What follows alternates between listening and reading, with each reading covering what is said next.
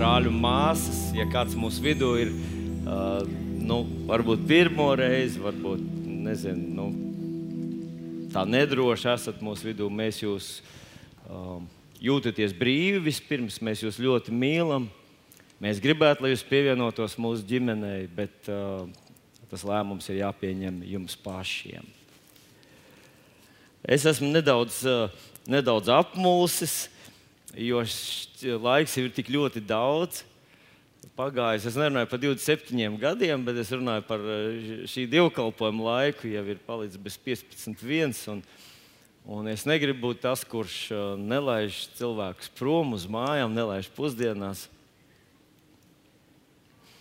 Uh, ir reizes bija vienā, nu, kur vairāk mācītāji runāja, un tad uznāca viens, nevis tā privāti teica, viens no uh, vasaras svētku Krievu biskupiem, tad viņš teica, es neesmu faraona sludinātājs. Un es tā īsti nezināju, ko tas nozīmē faraona sludinātājs. Un droši vien, ka jūs zinat, un es jautāju, ko tas nozīmē faraona sludinātājs. Viņš teica, nu, tad, kad Mozus saka, let my people go. Nu, kā, atlaid man cilvēks, bet faraons sludinātājs nelaiž viņus prom, viņš viņus tur tur, lai viņi sēž. Viņš saka, es nebūšu tas. Jo, ja tu sludini īsti, tad ir cerības, ka tevi uzaicinās vēl vienreiz. ja tu sludini gari, tad tu zini, ka tu otrais tevi nesauks vairs.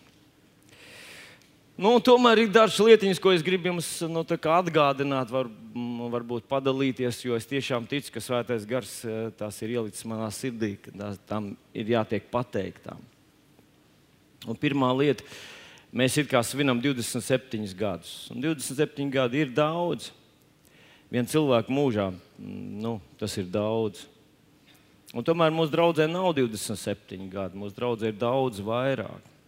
Un tie, kas jūs varbūt esat palasījuši mūsu mājaslapā, mūsu stāstu, vai tie, kas zina to dzīvē, māsa Lilita ir viena no tām, kas zina, mana māmiņa eh, zina šo stāstu. Un ir, es uz mirkli nevaru Silviju, Silviju jā, jā līgas vecāki šodien nav, bet viņi arī zina to stāstu.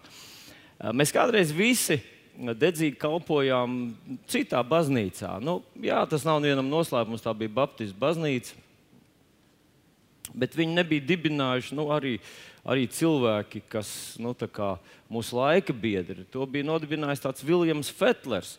Ļoti spilgta personība kristiet, Latvijas kristietības vēsturē.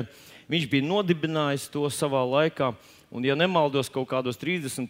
gados Latvijas Baptistu Savienība izdeva tādu lielu tādu pētījumu, kurā viens no Baptistu Savienības sekretāriem, man kaut kur ir mājā tā brošūra, viņš rakstīja, virsraksts bija, vai Viljams Fetlers ir Baptists. Un tad metodiski viņš to atmaskoja un teica, ka Viljams Fetlers nav Baptists, ka viņš, viņš, nu, ka viņš ir kaut kas cits. Es neiedziļināšos tajā tēmā.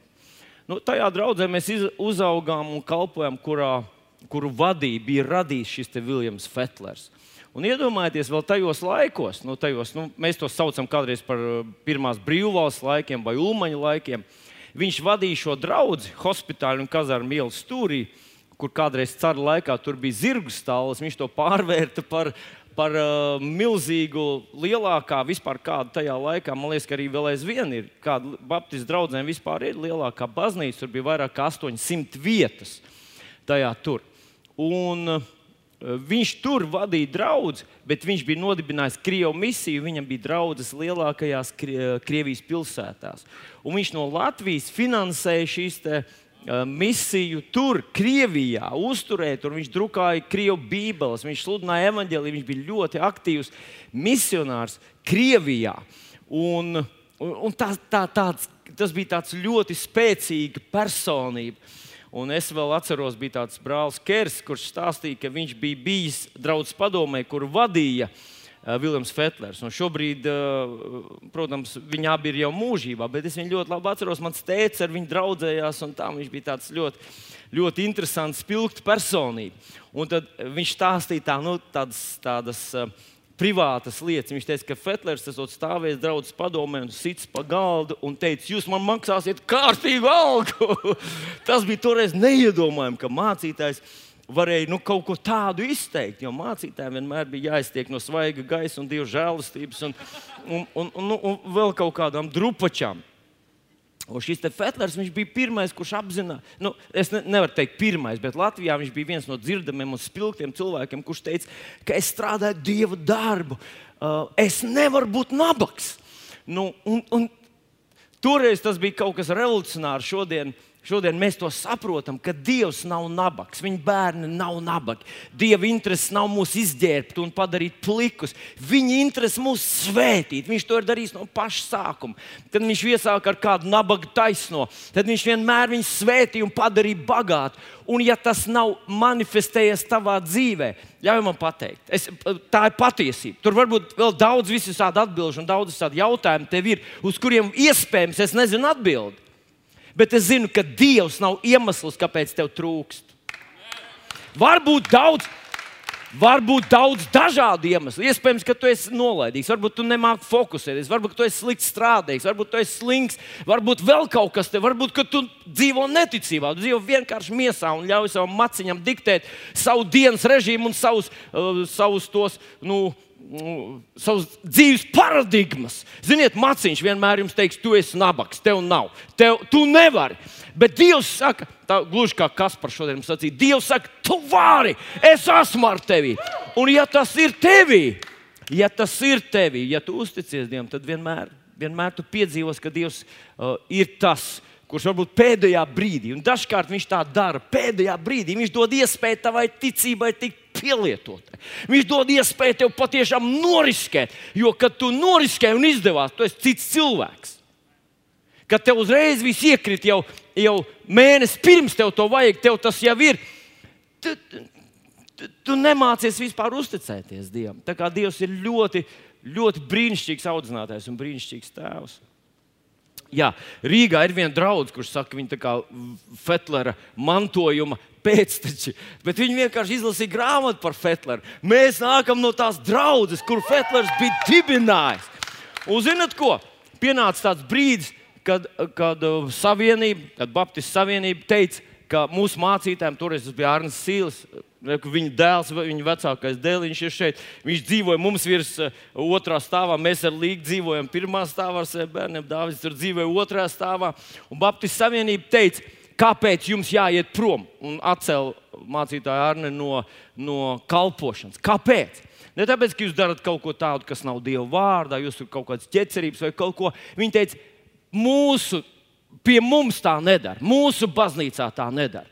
Un, ja tu mūsu konfesijā tā nedara, un, ja tu šodien paskatītos, viņi visi dara tieši to, ko mēs toreiz darījām. Viņi cilā rokas, plaukšķinu un dievkalpojumus, viņi rīko atsevišķu dievkalpojumus, kuros tikai šīs plaukstiņu dziesmas. Es atceros, bija tā viņas toreiz sauca. Mums toreiz bija tāds atvadu dievkalpojums, un, un, un, un savienības pārstāvs atnāca. Mēs vēl, mums vēl deva pēdējo iespēju, un es tur stāvēju tāds um, tīnis. Es gan biju precējies jau tīnis. Ja? Uh, nu, tas drusku pārspīlēt par to tīnu. Un mēs tur dziedājām, halleluja! Kaut kādā es vairs neatceros, kuras dziesmas brīžiem mēs vadījām slavēšanu. Tā kā tas, ko dara mans dēls, vecākais dēls, to es darīju Golgāts Baptistu draugzē, vadīju slavēšanu. Un tas cilvēks ar tādu nosodošu skatienu ienes uz pasauli baznīcā. Skatījos uz mums, un viņš domā, tā ir pēdējā reize. Kad atcēlīja mūsu mācītāju, tad apmēram simts cilvēku. Es gribētu teikt, tā visas draudzes, tas dedzīgais kodols. Mēs visi aizgājām savam mācītājam līdzi. Ko dara Rāvis? Viņi seko ganam. Jā, varbūt kāds palika, tāpēc, ka nu, pieredze pie tā krēsla un tā jumta, kurā atradās. Bet mēs, mēs vienkārši redzējām, ka Dievs mūs ved tajā. Nu, tagad, 27 gadus vēlāk, es negribētu būt atpakaļ tajā ēkā. Tur bija tāds, ka tu pateici, ugh, tad aizgāja, ugh, ugh, ugh. Nu, par to zāli aizgāja tāds eho. Nu, un, un mēs esam savā namā, un šis nams, paklausieties, šis nams Mums to nav neviens uzdāvinājis. To nav uzcēluši mūsu tēvi. To mēs piedzīvojam brīnumaini. Dievs mūs svētī. Brīnumaini, brīnumaini Dievs mūs svētī. Mums nav 26 gadi, mums ir daudz vairāk. Un mēs nerunājam par šīm lietām ik, eh, visu laiku, jo, Ir cilvēki no Baptistu draugiem, kas uztver to ļoti sāpīgi, kā tādu naidu kurināšanu, kā kaut kādu akmeņu mešanu. Mēs negribam to darīt. Pasargā Dievs. Es ticu, ka lielākā daļa Baptistu cilvēku nonāks debesīs. Es kādreiz pats biju Baptists. Es no visas sirds gribēju darīt, dziedāt Dievam, kalpot viņam no visas sirds. Tur ir ļoti daudz patiesu cilvēku. Un es negribu mētāties ar akmeņiem, bet tā ir mūsu vēsture. Tāpēc nu, tā vienkārši to izpušķot ar kaut kādām neitrālām frāzi, frāzītēm nebūtu godīgi. Mēs esam šeit, un es gribu teikt, ka tas to misiju, ko Dievs mums ir iedevis, to uzdevumu, ko Viņš mums ir iedevis, es redzu, ka tur ir kaut kas tāds, ko darīja jau Fetlers. Fetleram bija misija Krievijā, kur šodien mēs teiktu, ir otrādi. Krievijā ir lielās naudas. Atcerieties, jauno vilni. Atbrauc visi tie, tie, tie puiši, kas te dzied. Un viens no mūsu uh, nu, politiķiem, toreiz vēl viņš bija politiķis, viņš teica, viņš ir tik bagāts par vienu no. Uh, Nu, es negribu saukt vārdus, tas nebūtu pareizi. Ne? Viņš teica, viņš ir tik bagāts, viņš varētu visu Latviju nopirkt. Un mēs mazā Latvijā ar savu sviestu, vienīgais, kas bija cūkšķiņš un sviests, vai ne? Tā, tā ūmaņa laikā. mēs ar savu cūkšķiņu un sviestu sponsorējām misiju, evanģēlīju misiju, drukājām Bībeles priekš Krievijas. Un to darīja šis, te, šis, šis vīrs, Viljams Fetlers.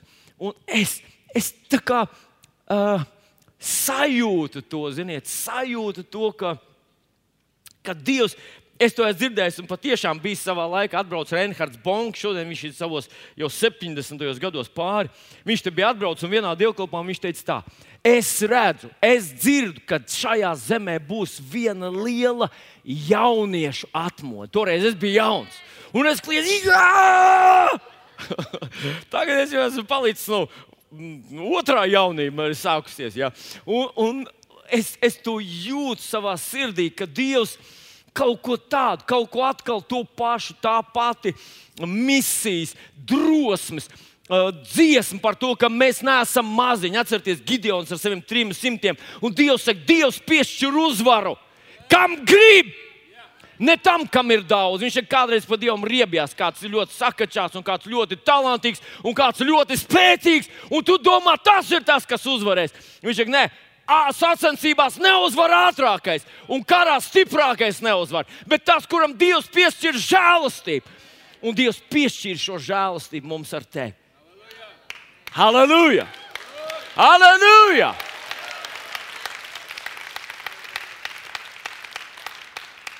Un paklausieties, mīļie draugi, nu paskatieties uz mums. Mēs esam tāds mazs savju pulciņš tomēr. Nu, ja mēs būtu desmit tūkstoši, tad daudzas lietas priekš mums vairs nebūtu brīnums. Bet ziniet, kad kādu laiciņu atpakaļ uh, Olīte, kas uh, uzskaita visu, kad viņi teica, ka mēs esam ieguldījuši tajā ēkā vairāk kā miljonu. Man gandrīz mati pacēlās gaisā. Jo tā bija Es, es atceros, es kādreiz, ko? Pusmiljonu? Nevar būt. Pusmiljonu tikai. Redzi, ka es nokļūdījos par pusmiljonu. Nu, piedodiet. Man, man ar cipariem kādreiz tā ir. Ja? Izdzēsiet to pusāru. Ka mēs vairs neizklausās tik, tik sadriecoši brīnumā. Vienalga tas ir daudz. Jā. Jā. Jā. Bet uh, pusmiljonu, ja mēs ieguldām, es vēl un tās vietas. Jā. Uh, ka mēs, paskatieties uz mūsu auju pulciņu, kāda mēs esam. Ka mēs esam tajā būvē ieguldījuši pusmiljonu. Un zinot, ko mēs vēl neskaitām tās lietas, kuras, rekur, kā Kaspars teica, tās staleži, kas mums tur stāv visu vasaru, par kurām mēs neesam samaksājuši nevienu vienīgu eiro. Mums ir kompānija, arī mūsu viena no ģimenēm nosponsorē, mums ir savilkta elektrība. Gan drīz visā, gan drīz visur, visa elektrības darba ir izdarīta. Mēs par to neesam samaksājuši nevienu vienīgu eiro. Mums ir izgatavoti tur, es varbūt nestāstīšu, tur nocinkot un izgatavot tur tādas speciālas pažarnieku kāpnes, kas maksātu krietni. Mēs par to neesam samaksājuši nevienu eiro. Viens brālis man pienāca, kurš izgatavo ekskluzīvu parketu. Viņš teica, parādi man, kur ir tā istaba, kur man jāno, jā, jāuztais ekskluzīvs parkets. Es, mēs vēl neesam parādījuši, bet man ir tāds sajūta, ka, ka mēs, mums par to nenāksies maksāt.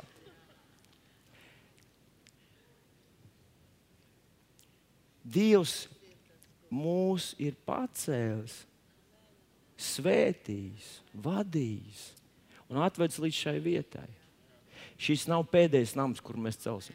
Mēs nopirksim visu šo zemi līdz pašam tiltam. Un tur šis pienāks diena, kad šis nams būs mazais nams.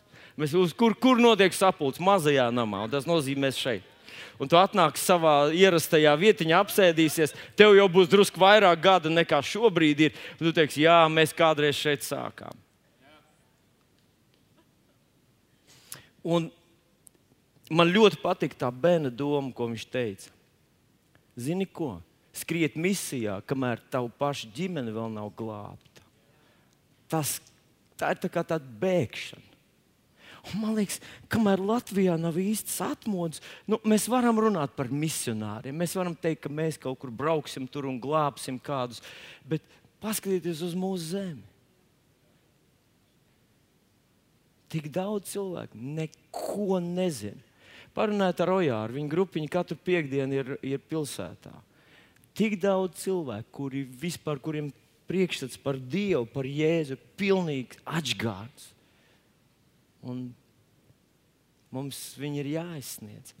Un es ticu, šitā, šī, šis pasākums, Europa Awakening, ir īstajā laikā, īstajā vietā. Un mēs nebaidoties, vai mūsu izmantos, vai kāds uz mums pavizināsies, nobrauks kādu gabalu, mēs ieliksimies šajā pasākumā. Pasaki, jā. Mēs to izdarīsim. Vienalga, kā tas būtu, vienalga, ko tas mums maksā. Mēs gribam, lai evanģēlijas atskan pa visu šo zemi. Jā, es, es gribēju parādīt to pudeli. Atnāc.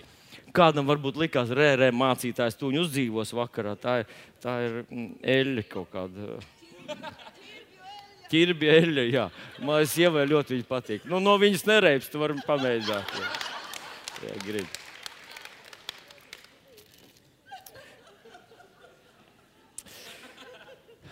Labi.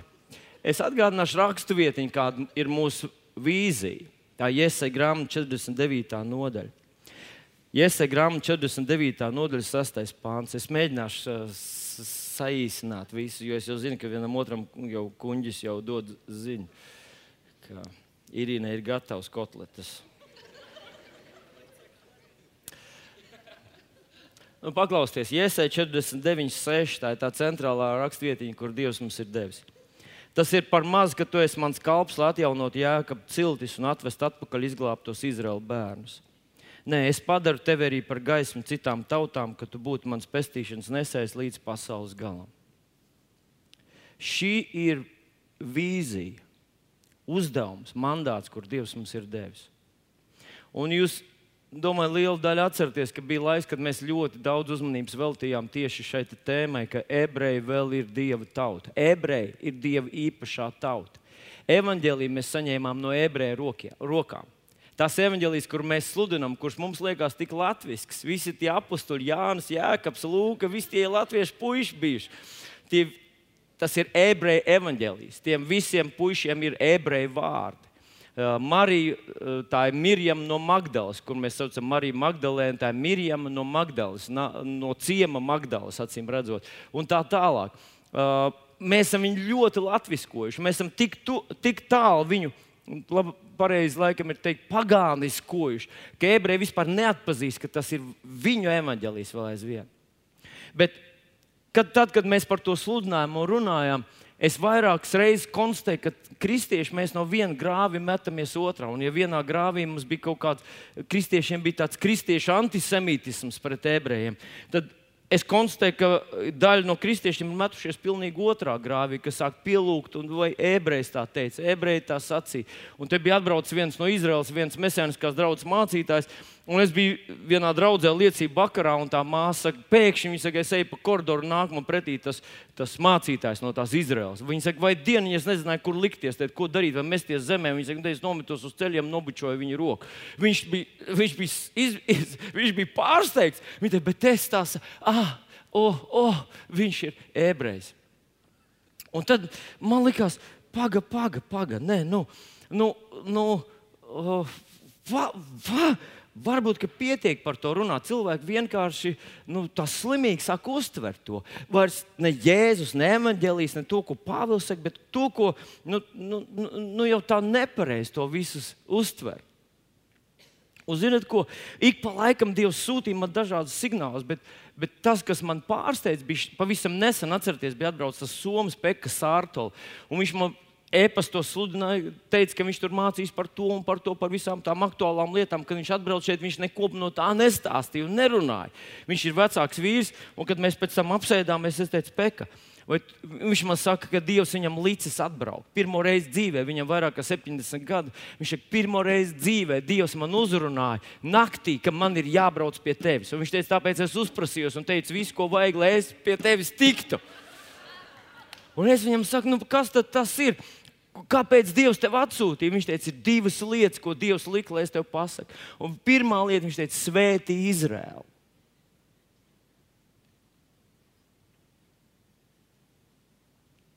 Un man, man bija tāds sajūta, ka Dievs man saka, Vilni, tas ir tas, ko es ieliku.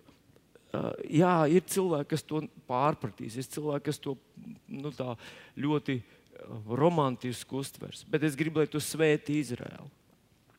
Un mēs to, esam, mēs to darām tagad.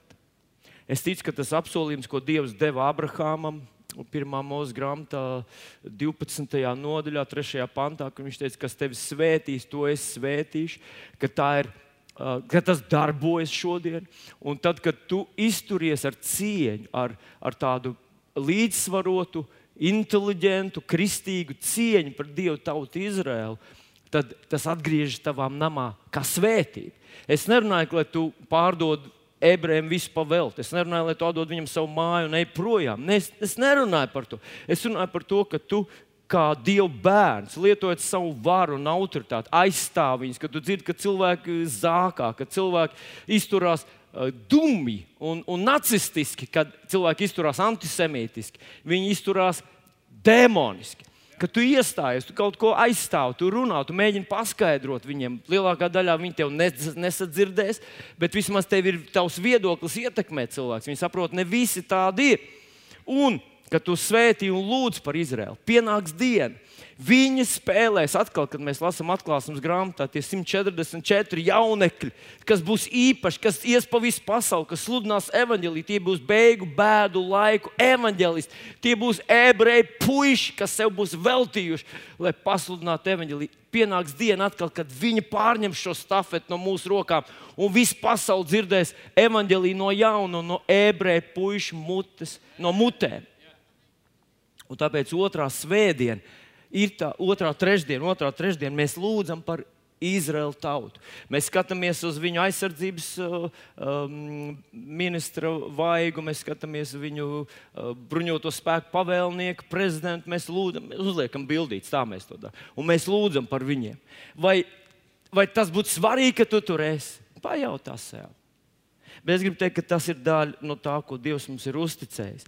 Un tad viņš saka, es padaru tevi par gaismu citām tautām, ka tu būtu mans pestīšanas nesējs līdz pasaules galam.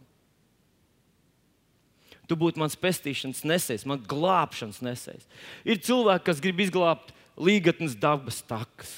Ir, cilvēki, kas glābi Baltasaru, ir cilvēki, kas glābi, mm, nu, kā to sauc, uh, jā, kas, kas suņu patversmēs, ja katru dienu dodas turp un vadā un domā, ka tā varbūt man mirusī vecmāma vai kaut kas tāds. Un kad es būšu tā, pārdzimts nākošā dzīvē, kāds mani vedīs ārā. Un to dara no nu, ar tādu, ar tādu patiesu, patiesu tādu dedzību.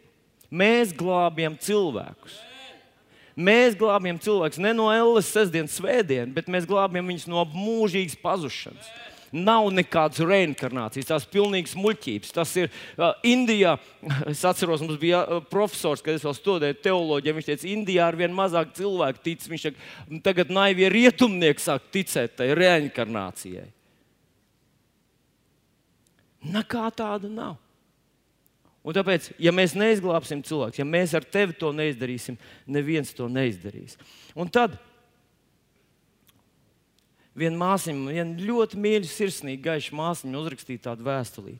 Viņa teica, mācītāji, nu kaut kā tā jocīgi. Pirms mirkli mēs runājam par to, ka esam Dieva bērni, esam bērni, esam mantinieki, ka Dievs mūs mīl, ka Viņš mūsu dēļ visu ir darījis un, un, un, un ka Viņš mums ir gredzens pirkstā uzlicis. Es papildinu ar saviem vārdiem. Pēdējā laikā jūs visu laiku tikai par to glābšanu, glābšanu, glābšanu. Tāda sajūta, ka mums slimiem un, un, un nogurušiem pēdējiem spēkiem jāglābj cilvēki. Kad, nu, vai nebūtu loģiski, ka mēs tā kā nu, paši atveldzēti un laimīgi un priecīgi un viss mūsu dzīvēs ir kārtībā, un tad mēs no tādas pārpilnības pozīcijas ietu glābt cilvēkus. Loģiski izklausās pareizi.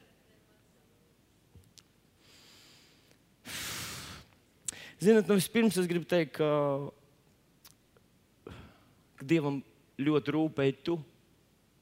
Dievs ļoti gribēja tevi izglābt. Ļoti gribēja. Un iespējams, viņš kādam nelika mieru. Viņš lika viņam celties tad, kad viņš negribēja runāt, tad, kad viņš negribēja darīt to, ko viņš negribēja, lai aizsniegtu tevi. Un Dievam ļoti rūp tie cilvēki, kas vēl nav glābti. Te nav, neiet runa par to, ka viņi ir draugi vai nav draugi. Viņi iet vai nu uz zeli vai uz debesīm. Ļoti vienkārši. Cilvēki iet vai nu uz zeli, vai uz debesīm. Tavu radinieku, tavu darbu kolēģi, tie labie, izglītotie, pieklājīgie, veiksmīgie, labi situētie, viņi iet vai nu uz zeli, vai uz debesīm.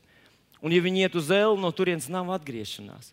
Cilvēkam savas dzīves laikā ir jāizdara izvēle. Un es gribu teikt, ka ir kaut kāds limitēts laiks. Vienreiz viņš saka, ne, otrreiz saka, man nav laika, trešo reizi viņš saka, man te jānopelna nauda, ceturto reizi varbūt, varbūt ir vēl kādas reizes, bet beig, beigās, kad cilvēks saka, nē, nē, nē, nē, katrs nē, padara stiprāku viņu nākošo nē. Un mūsu ar tevi pienākums ir viņam palīdzēt glābties. Un vēl, ja es jums nesolīju, ka mums šajā pasaulē būs visi baigi forši. Viņš teica, šajā pasaulē jums būs bēdas, Jānis 16, 33. Šajā pasaulē jums būs bēdas. Iebiks tam, kurš sēž tev blakus, bēdas.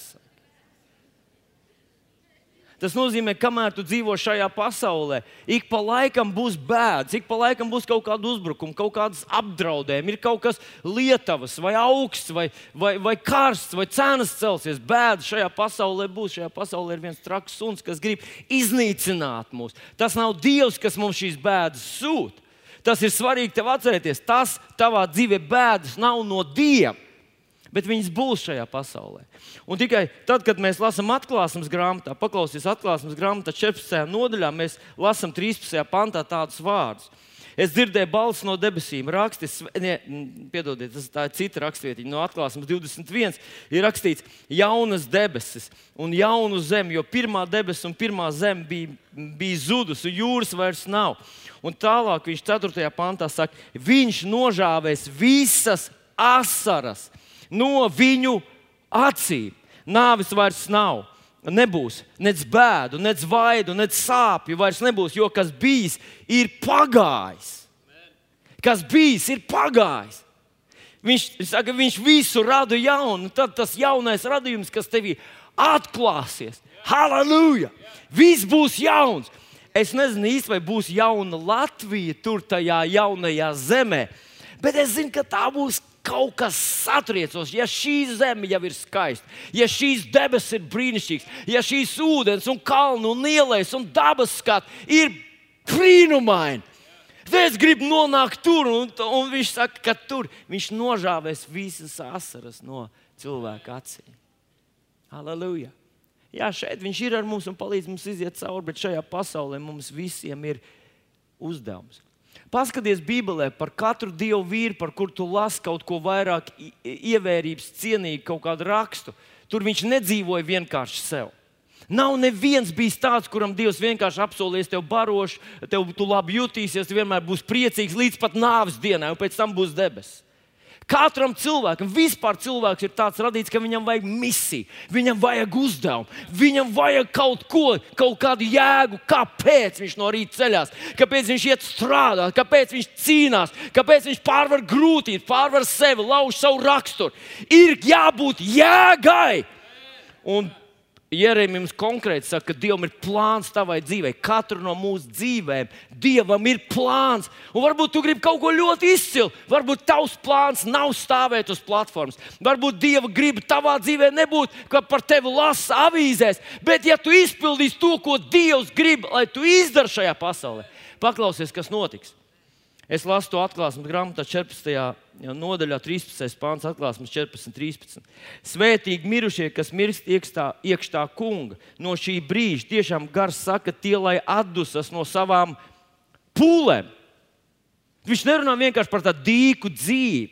Viņš nerunā par kristieti, kurš visu laiku tā, nu, gaida tikai, ka Dievs vēl padarīs viņu maciņu biezāku un viņu, viņu, viņu vēdru pilnāku. Viņš runā, viņš runā par pūlēm, par cilvēkiem, kas ir pielikušies, par mūzu, par, par Dāvidu, par visiem tiem varoņiem, par kuriem mēs lasām. Viņu dzīves bija varoņu darbi. Un šis pats svaidījums ir pār tevi un mani. Mēs nevaram vienkārši būt kāmīši, kas velk visu uz savu, uz savu, uz savu aliņu, uz savu mazo, mazo pieliekamo un domāt, ka mēs esam baigi veiksmīgi. Īstenībā, mīļie draugi, ja cilvēks dzīvo tikai sev, viņš ir apzīmogojis to, kas viņam ir. Un varbūt ne viņa dzīves laikā, varbūt viņa bērna dzīves laikā, bet tas viss pazudīs. Bet paklausieties, pūles, un tad viņš saka tādus spēcīgus vārdus, jo viņu darbi tos pavada. Nevis atmiņas par to, Es pastāstīšu vienu dzīves stāstu. Tas, tas vīrs bija šeit mūsu vidū ilgu, ilgu laiku. Uh, viņš nodzīvoja tādu pretrunu dzīvi. Jaunībā viņš bija tāds pilnīgs, uh, ieliek, ieliek pēdiņās, dzīves baudītājs.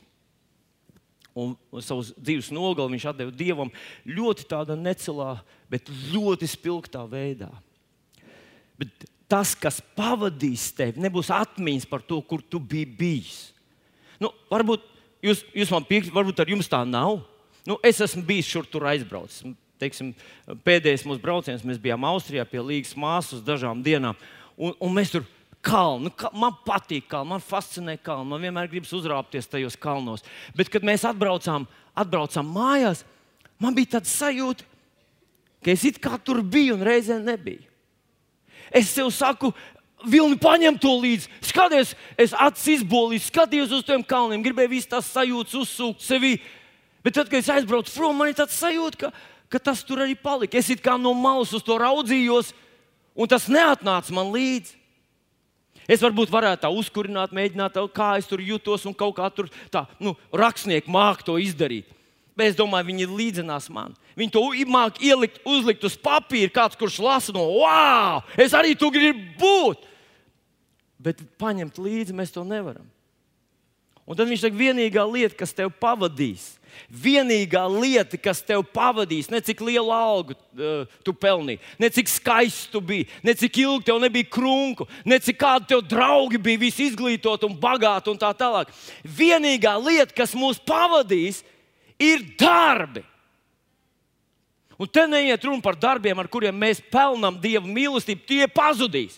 Ja tu gribi kaut ko nopelnīt pie Dieva, to absolūti bezjēdzīgi tērē enerģiju un spēku. Tu nevari nopelnīt Dieva mīlestību. Tas nav iespējams. Tu nevari neko tādu izdarīt, lai Viņš tev vairāk mīlētu, jo Viņš tev mīl vienkārši ar beznosacījumu mīlestību.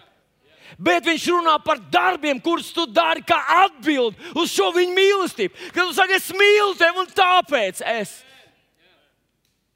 Un es laikam jau esmu to stāstījis, bet viņš ir tik spilgts, spilgts palicis manā atmiņā. Kādreiz mūsu vidū bija tāds brālis, Varimans Briedis. Viņa uzvārds pilnībā uh, izsaka to, kāds viņš bija. Kurš vēl atcerās Varimantu? Ja? Ļoti jauki. Es viņu pirmo reizi redzēju, kad es vēl biju mazs puisis. Viņš gāja līdzi, tāds, tāds bailīgs pusaudzis, gāja līdzi savam tēvam uz darbu. Un tur vienreiz atbrauca kaut kāda cilvēka, kaut ko viņi tur runāja ar tēvu. Un tur stāvēja viens puisis. Nu, viņš augumā nebija tik garš kā Kaspars, bet, bet nu, drusku īsāks. Bet viņš bija bez krēkla, tas bija vasaras karsts laiks. Viņš bija nosauļojis skaistiem lokainiem matiem. ar muskuļot, tie sešpaki bija vietā. Bija, viņš stāvēja tur biceps, un, un, un tad viņam bija tāda sudraba ķēde un kaut kas, kaut, kaut kas tāds. Ziniet, nu, šodien to apzīmē ārpus. Viņš bija seksa etalons, seksīgs. Nedomāju, tur ļoti dziļi tajā, bet no, es, es kā puikiņš, kā puikiņš paskatījos uz to čāli. Un viņš tur stāvēja, kaut ko viņš tur runājās. Un es domāju, ak, Dievs, es nekad, protams, nekad nebūšu tāds kā viņš. Tas bija Varimants. Vēlāk man tēvs stāstīja, tas ir tas pats Varimants, kas tagad ir mūsu draugs, kur tu toreiz redzēji. Un, zinot, diezgan daudz gadu vēlāk mēs viņu satikām draudzē. Viņš jau bija vecāks kungs ar šķidriņiem, matiņiem. Un tad viņš teica, no visas tās savas dzīves man nav palicis nekas. Es it kā viss man bija, bet es visu to sadedzināju, visu pazaudēju. Un jūs zināt, kā viņš pavadīja savus dzīves pēdējos tādus, ne pašus pēdējos gadus, bet tos pēdējos gadus, kad viņam bija vēl spēks. Apmēram Normāns neļausim četrus gadus. Jā, četrus gadus mēs. Četrus, piecus gadus viņš nāca katru dienu šurp, un viņš strādāja ar atskaldāmu āmuri. Lai tur lai notiktu, tagad mēs tā vienkārši pa kāpnītēm nojam lejā, bet tas bija, tas bija darbs. Tur bija šitāds betons, kur visur bija armatūras pa vidu. Un to sāka vienkārši skaldīt no augšas, lēnītēm graust to betonu. Un Varimans izdarīja vienreizēju darbu. Vēlāk kādreiz es skatījos, ka viņš nāk, un es skatījos, ka viņam ir nu, kā, kāja kaut kādas problēmas. Bija. Un kādreiz viņam bija problēmas ar līdzsvaru, un es teicu, vari, tu nevari tur iet. Viņš saka, ir labi, ka es nu, ieriktējos, nostājos tajā, nu, tā atspiežos, tad es varu. Un tad varēja dzirdēt, faktiski pašā, pašā dzīves nogalē viņš vairs nevarēja atbraukt līdz Rīgai. Viņš dzīvo ārpusē, viņa kāju dēļ. Bet faktiski viņš to savu pēdējo dzīves noslēgumu, viņš deva tur pagrabā putekļos, neviens viņu neredzēja, viņam nemaksāja lielu algu. Tas bija, mēs visi toreiz dzīvojam ticībā. Un viņš faktiski deva savu dzīvi dievam uz altāra, kur neviens paldies viņam nepateica. Nu, nu tā pateicām, ziniet, kā mēs tur to tā kā cilvēki varējām mācījām. Un tad es domāju, viņš varēja, viņš varēja uh, to, to savu dzīves nogali kaut kā sevi žēlot un sev teikt, es un man, un man ir grūti un tā. Un, un, un, bet viņš to vienkārši bez. Uh, es neidealizēju. Viņš, protams, bija arī cilvēks un tā tālāk. Es nezinu, kas notika viņa sirdī, bet katru reizi, kad es ar viņu parunāju, viņš vienmēr pasmaidīja. Nebija vairs nu, tas žilbinošais Holivudas smaids, bet viņš pasmaidīja. Viņš vienmēr teica kaut ko labu. Man liekas, pats tas viens labsirdīgs milzis. Bet es esmu drošs, ka viņš nonāca debesīs šie darbi. Tas, ko viņš izdarīja, tas, tas ka mēs tā varam iet un nākt, un, un tur viss ap, apakšā darbojas, kāds ir izracis to, nu, nu, iz, iz, iz, ieguldījis milzu darbu tajā, lai tas mums būtu. Un šis nams strādā un strādās vēl. Mums bija nu, mums viss kaut kas te ir bijis. Mēs cenšamies vienmēr pasludināt evaņģēlīju. Un es domāju, es sev jautāju, es kādreiz sev saku, Vilni, varas, varas aizgāju uz, uh, uz uh, debesīm ar uh, četriem gadiem smaga vergu darba, lai, lai dievu namu celtu kad tu ej uz debesīm, ņem līdzi darbus, gādā, lai tev ir šie mīlestības darbi, kurus tu dari Dievam par godu. Un es tev gribu ieteikt, mīļais draugs. Šodien varbūt nav tavs dzīves nogala, un varbūt tu esi vēl pilns enerģijas un spēka. Gādā par to, lai tu atbildētu Dievam uz viņa mīlestību. Lai mēs kā draugi atbildam Dievam uz viņa mīlestību un, un izpildām šo savu misiju, kur Dievs mums ir devis. Pasludinām evanģēlīju. Un es gribu teikt, ka mēs apvienojam kopā savus resursus, savus spējas, savus, savus iespējas, savus talantus. Mēs kļūstam par vienu lielu, neiedomājamu komandu. Mēs varam izdarīt ļoti, ļoti daudz. Un, un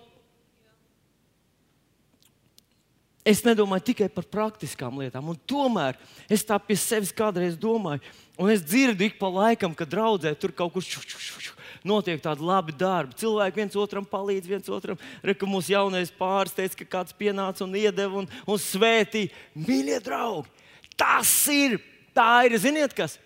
Mīlestība. Dariet to! Dariet to! Tas ir kas ies jums līdzi!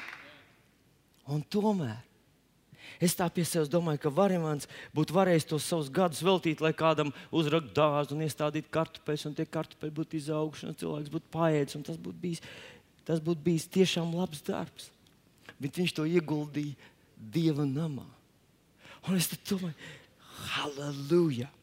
Tas, tas viņa ieguldījums šeit strādās, un strādās, un strādās, un strādās. Vārds jau ir mūžībā, bet tie viņa viņa sviedri, kas te ir nopilējuši, tas viņa dzīve, ko viņš ir atstājis, viņa vēl aizvien strādā, viņa padara to namu dzīvu. Es, es kādreiz biju apskaudu labo vēstu, jo viņiem tā kā amerikāņi visu nomaksāja un uzdāvināja. Un es domāju, kāpēc mums tā viss tā tik smagi padodas. Pēc tam no otras puses domāju, ak, Dievs, tās ir, tās ir mūsu dzīves, mūsu ticība, tā ir mūsu pieredze, tas ir tas, ko mēs esam izdarījuši. Zinat ko? Mēs varam izdarīt daudz, ļoti daudz. Jā. Un tad es nobeigšu ar raksturvietiņu, kur uh, ir, uh, kur ir Lūkas evanģēlijā stāsts par vienu tēvu un viņa diviem dēliem. Divi dēli, no žaketa, piedodiet. Paldies, Walter. Lūkas evanģēlijā 15. nodaļā ir stāsts par vienu tēvu un viņa diviem dēliem. Es nelasīšu visu, vienkārši, vienkārši piezīmēšu, jo mēs visi zinām to rakstu vietu. Ko tad mēs tur lasām? Bija kāds tēvs, viņam bija divi dēli. Un jaunākais sacīja tēvam, tēvs, dod to, kas pienākas man. Es esmu mantinieks, es esmu tavs dēls, man pienākas, dod man to. Un zinot ko? Tas ir kaut kas, ko mēs esam apzinājušies, ka mēs esam bērni. Mēs esam mantinieki. Dievs mūs mīl. Viņš mūsu vārdus ierakstīs dzīves grāmatā. Mēs esam, kā Romas vēstulīte 8. nodaļā rakstīts, mēs esam Dieva mantinieki. Kas ir mantinieks? Mantinieks ir tas, kam paliks viss tas, kas ir, nu, kura dēļ tēvs to visu gādā. Un šis tēvs tieši to, tas dēls tieši to saka: atdod man, kas ir mans. Un tad, ko viņš izdarīja? Viņš paņem šo dievu doto mantojumu. Un Dievs neliedz viņam to, viņš to viņam dod. Bet viņš koncentrēdamies uz sevi, aiziet tālu prom no Dieva. Tur ir īpašs akcents, ka viņš dzīvo ar netiklām sievietēm. Tas nozīmē, ka viņam pat nebija normāls ģimenes, vai viņam bija bijusi ģimene, viņš to pazaudēja. Kā tas notiek? Tad, kad mēs koncentrējamies uz sevi. Un man kādreiz Es to nevaru teikt par mums. Es nevaru teikt, ka Latvijā ir šī problēma. Bet kādreiz, kad es, uh, mēs bijām izbraukuši ar, ar Līgu, kad laiciņā atpakaļ Amerikā, un, un mēs ieslēdzām kristīgo televīzijas kanālu. Un zinot, ko mums sametās šķērni pavisam. Katrs, kurš tur iznāca, viņš kaut kā noreklamēja tā iepinu un ziedojumu. Katrs nākamais, kurš tur parādījās, sludinātāji lieliem vārdiem, milzīgām kalpošanām, viņiem visiem viņi tas akcents, mēs pat par Jēzu, starp citu, tikai tāpat. Pirmais bija nauda. Ziedu sūtiet savu ziedojumu. Ja jūs atsūtīsiet savu ziedojumu, tad jūs tiksiet svētīti. Un mums kaut kā likās, nē, nu mēs saprotam, ka bez naudas nevar televīzijā nonākt. Nav iespējams. Un es atkal negribu mest akmeni nevienā dārzā. Mēs vienkārši domājam par, par sevi un par tevi. Jā, mēs esam mantinieki. Bet, ja mūsu teoloģijas centrā esi tu, tev labi jājūtās, tev labi jāizskatās, tev labi jāģērbjas, tev jāizbrauc atpūsties, tev visu vajag, tev un tev un tev. Un tad, kad tev viss būs diezgan, tad tu arī kaut ko darīsi labi. Zini, kur tas aizvedīs tevi? Vispirms prom no Dieva, pēc tam prom no tavas ģimenes, prom no tuviem cilvēkiem. Jo viņi visi ir kā nasta būtībā.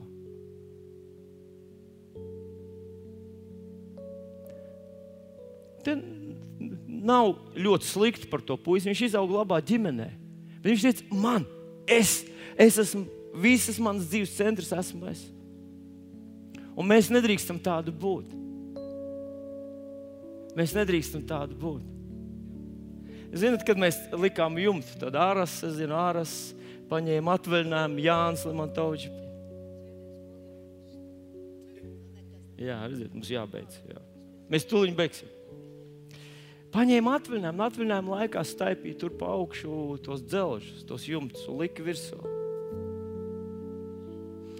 Es atceros Arasu, kur Aras, Ar, Aras rektora augšā sēž.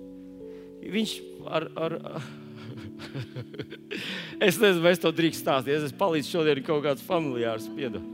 Es atceros, Arasam bija desu uzņēmums. Viņš vadīja desas apkārt pa veikaliem. Un tad vienā dienā viņš teica, mēs nobankrutējām, viss, viss beidzies. Šodien viņš ir ļoti veiksmīgs uzņēmums. Ļoti veiksmīgs. Pārsvarā strādā ārzemēs kaut kur. Un es gribu teikt, ka tas ir tad, kad tu neesi vidū, kad tu neesi tā visa centrs. Ja ne tev pirmajam, tev jābūt, un tad kaut kas cits. Tad tas maina visu tavu attieksmi. Un, un tas otrs brālis atkal bija otrs, otra galējība. Viņš teica, Dievs man neko negrib dot, es visu atdošu, visu atdošu, atdošu. Un tad pie viņa atnāk tēvs, un es nobeidzu ar šiem, rakst, ar, ar šiem, ar šiem vārdiem, ko tēvs viņam saka. Uh, viņš saka, dēls, tu aizvien esi pie manis. Tu smagi strādāji manā darbā, manos laukos. Un tad viņš saka viņam tos vārdus: Viss, kas ir mans, ir arī tavs. Viss, kas ir mans, ir arī tavs. Kāpēc viņš iedeva tam jaunākam dēlam, kurš atgriezās, kāpēc viņš iedeva viņam e, gradzenu? Gradzens nebija dots, nu tagad, reku, tev bankas konts tērē vēlreiz. Nē, tas gradzens bija, nu tagad pastrādā, nu tagad papūlies, tu paplosies, tu tēva drūvā. Tā bija atbildība un iespēja kārtot darījumus, pacīnīties, atstāt darbus, lai ir kaut kas, kas tev seko. Un šim vecākajam viņš saka, tu ar vienu esi bijis pie manis, un viss, kas ir mans, ir tavs. Un man ir viens ļoti, ļoti īsts piemērs, tas ir Noā. Pasaka, Noā. Atcerieties, Noā Dievs saka, Noā izglāb, izglāb pasauli, uzbūvē šķirstu, un Noā šo šķirstu būvē cik ilgi? Simts gadus! Ak, Dievs, kāpēc man jāglābj visu pasauli? Bet tu nevari vienkārši nu, man palīdzēt izglābties man un manai ģimenei un viss. Bet Dievs viņam iedeva tik milzīgu uzdevumu. Bet tas milzīgais uzdevums izvērtās kā? Viņš izglāba visu savu ģimeni, vai ne?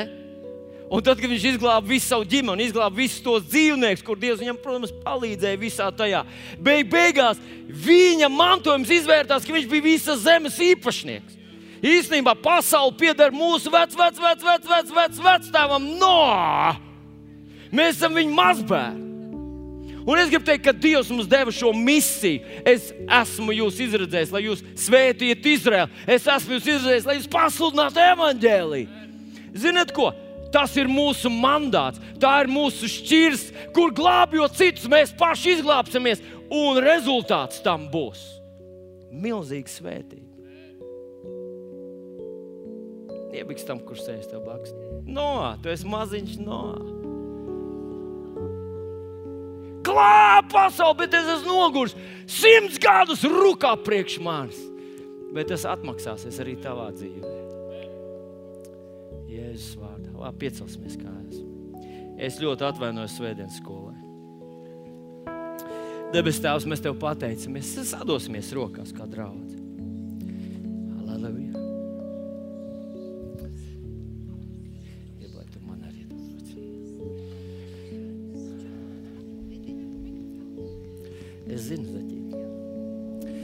Jā, debes Tēvs, mēs pateicamies, ka mēs šodien šeit varam stāvēt 27 gadus pēc, pēc savu otrā sākuma. Paldies, Tev, debes Tēvs, paldies Tev par šo misijas garu. Paldies, Tev, ka katrs no mums ir svarīgs. Paldies Tev par varimantu, paldies Tev par visiem tiem, kurus varbūt es nemāku nosaukt, kurus es neesmu pamanījis. Dievs, Dievs, Tu esi! Tevis dēļ mēs esam nolikuši šeit, kungs, un mēs gribam piepildīt šo tevis doto misiju. Mēs gribam uzcelt šo šķirstu. Mēs gribam redzēt Latviju glābt. Mēs gribam, kungs, lai mūsu, mūsu teoloģijas fokusā būtu uzdevums, kur tu mums esi devis. Jo mēs zinām, ka tas svētīs arī mūsu. Paldies, Tev, Tēvs! Jēzus vārdā! Paldies Tev par šo dienu, par šo īpašo jubilejas reizi arī. Halleluja! Jēzus vārdā. Es Tev pateicos par tiem cilvēkiem, kas ir mūsu ceļā, kuriem mēs varam pieskarties, kurus mēs varam pieņemt, kur, ar kuriem mēs varam izveidot attiecības, kurus varam izvest un, un aizvest un palikt kopā, Dievs, kurus varam padarīt par taviem mācekļiem, patiesiem, drosmīgiem, uzticamiem, svētiem. Paldies, Tev, debes Tēvs!